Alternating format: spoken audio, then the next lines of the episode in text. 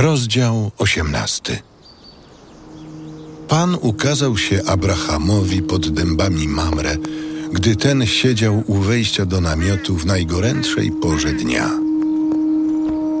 Abraham spojrzawszy, dostrzegł trzech ludzi naprzeciw siebie.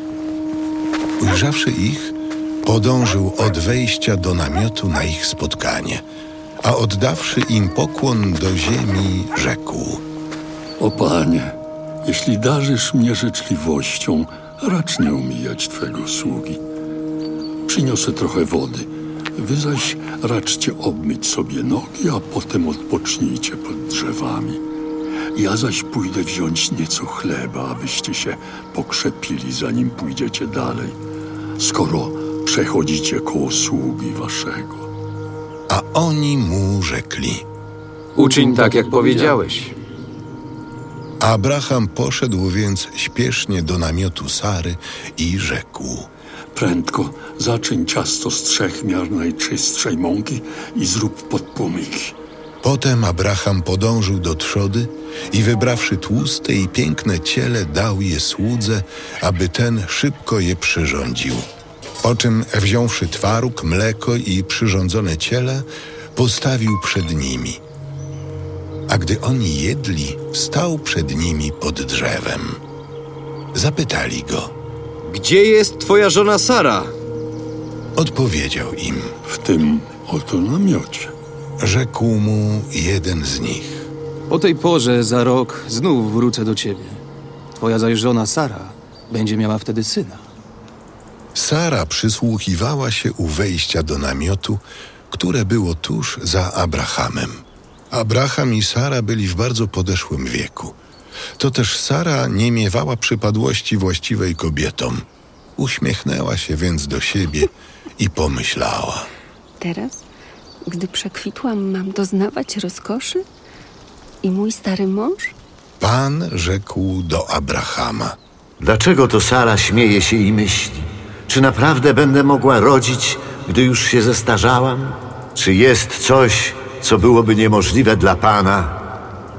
Za rok o tej porze wrócę do ciebie, a Sara będzie miała syna. Wtedy Sara zaparła się, mówiąc, Wcale się nie śmiałam. bo ogarnęło ją przerażenie. Ale Pan powiedział. Nie, śmiałaś się. Potem ludzie ci odeszli i skierowali się ku Sodomie. Abraham zaś szedł z nimi, aby ich odprowadzić. A Pan mówił sobie. Czyż miałbym zataić przed Abrahamem to, co zamierzam uczynić? Przecież ma się on stać ojcem wielkiego i potężnego narodu, i przez niego otrzymają błogosławieństwo wszystkie ludy ziemi. Bo upatrzyłem go jako tego, który będzie nakazywał potomkom swym oraz swemu rodowi, aby przestrzegając przykazań Pana, postępowali sprawiedliwie i uczciwie, tak, żeby Pan wypełnił to, co obiecał Abrahamowi. Po czym Pan rzekł. Głośno się rozlega skarga na Sodomę i Gomorę, bo występki ich mieszkańców są bardzo ciężkie. Chcę więc stąpić i zobaczyć, czy postępują tak, jak głosi oskarżenie, które do mnie doszło, czy nie. Dowiem się. Wtedy to ludzie ci odeszli w stronę Sodomy, a Abraham stał dalej przed Panem. Podszedłszy do niego, Abraham rzekł. Czy zamierzasz wygubić sprawiedliwych wespół z bezbożnymi? Może w tym mieście jest pięćdziesięciu sprawiedliwych?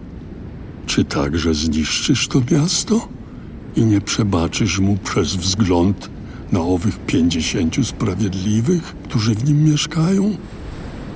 O nie dopuść do tego, aby zginęli sprawiedliwi z bezbożnymi, aby stało się sprawiedliwemu to samo, co bezbożnemu. O nie dopuść do tego. Czyż ten, który jest sędzią nad całą ziemią, mógłby postąpić niesprawiedliwie. Jeżeli znajdę w Sodomie pięćdziesięciu sprawiedliwych, przebaczę całemu miastu przez wzgląd na nich. Pozwól, o Panie, że jeszcze ośmielę się mówić do Ciebie, choć jestem pyłem i prochem. Gdyby wśród tych pięćdziesięciu sprawiedliwych zabrakło pięciu, czy z braku tych pięciu zniszczysz całe miasto?